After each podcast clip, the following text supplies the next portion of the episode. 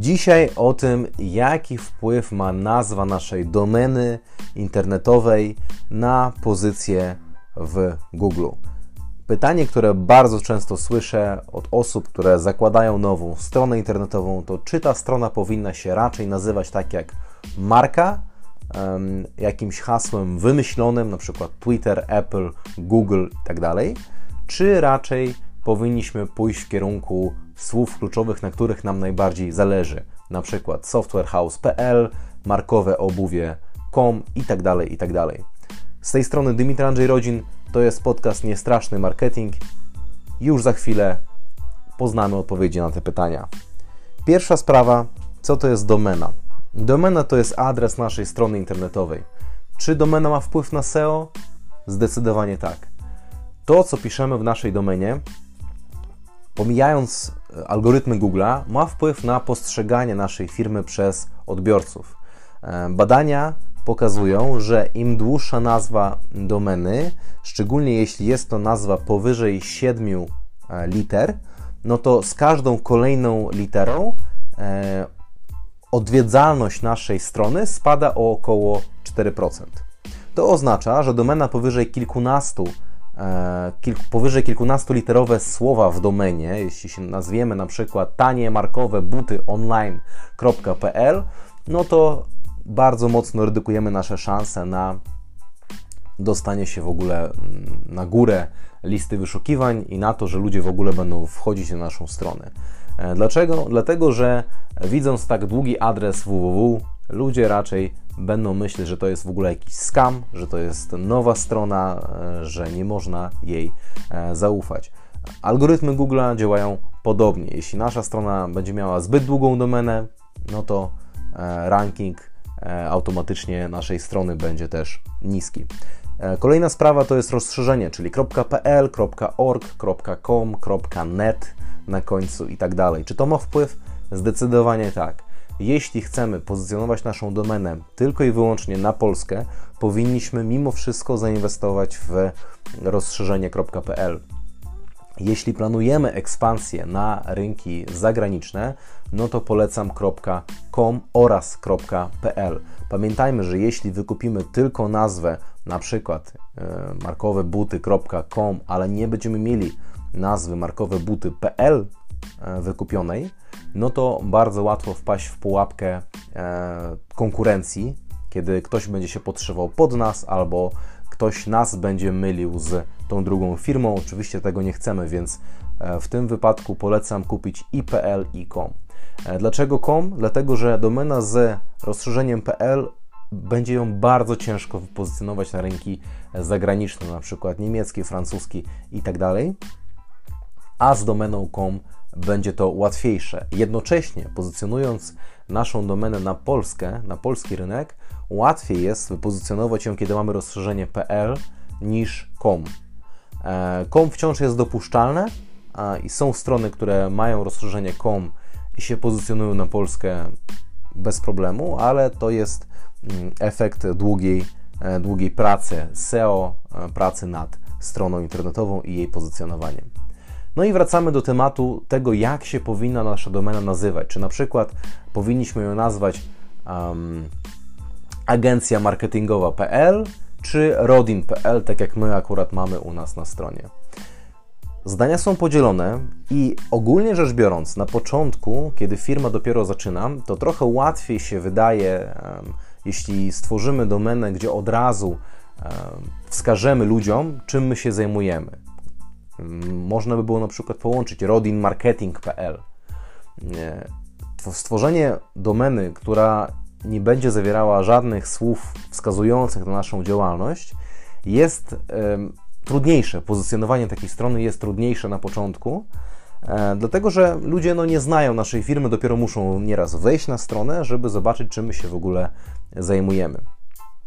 I teraz, o ile nasza nazwa nie będzie dłuższa niż 13 e, liter, to jak najbardziej możemy e, korzystać ze słów kluczowych, czyli na przykład buty na obcasach.pl, suknie wieczorowe.pl i tak dalej, i tak. Natomiast To zadziała tylko w przypadku firm, które nie planują e, rozszerzać swoich e, branż, tak, swojej, swojego biznesu na inne kategorie produktów lub usług. Tworząc stronę i ją pozycjonując o nazwie mm, suknieślubne.pl, tak naprawdę my się trochę ograniczamy do tych sukien ślubnych. Jeśli nagle w naszej ofercie się pojawią inne suknie, sukienki, buty itd., tak no to będziemy musieli wręcz założyć nieraz nową stronę, co się wiąże z rozpoczęciem wszystkiego od zera, czego absolutnie nie polecam. Także musimy wziąć pod uwagę to, czy na pewno mm, te słowa kluczowe, o których myślimy teraz, czy one za 5 lat też będą aktualne, czy my chcemy tylko i wyłącznie sprzedawać suknie ślubne, e, robić e, usługi krawieckie tylko i wyłącznie, nie wiem, strzyc tylko mężczyzn i tak dalej, i tak dalej. Więc to są rzeczy, o których trzeba się na początku zastanowić. E, jeśli natomiast wiemy, że będziemy tą działalność rozszerzać, albo je, jeśli nie jesteśmy pewni, w jakim kierunku pójdziemy, bo oferujemy kilka rodzajów usług jednocześnie, no to oczywiście nie ma sensu tworzyć domeny skupiającej się na tym naszym słowie kluczowym. E, tak samo nie polecam, tak jak kiedyś była moda na mm, nazwy typu FHU, PHU, czyli przedsiębiorstwo handlowo-usługowe. E, to jest takie niepotrzebne, tak naprawdę dobudówka, e, wręcz e, język urzędowy, który, który gdzieś tam się komuś wkradł do nazwy firmy. Absolutnie odradzam.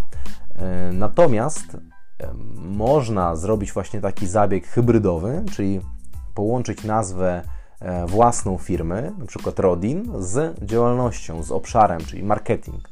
Dla przykładu, Apple na początku nie nazywało się Apple, tylko Apple Computers.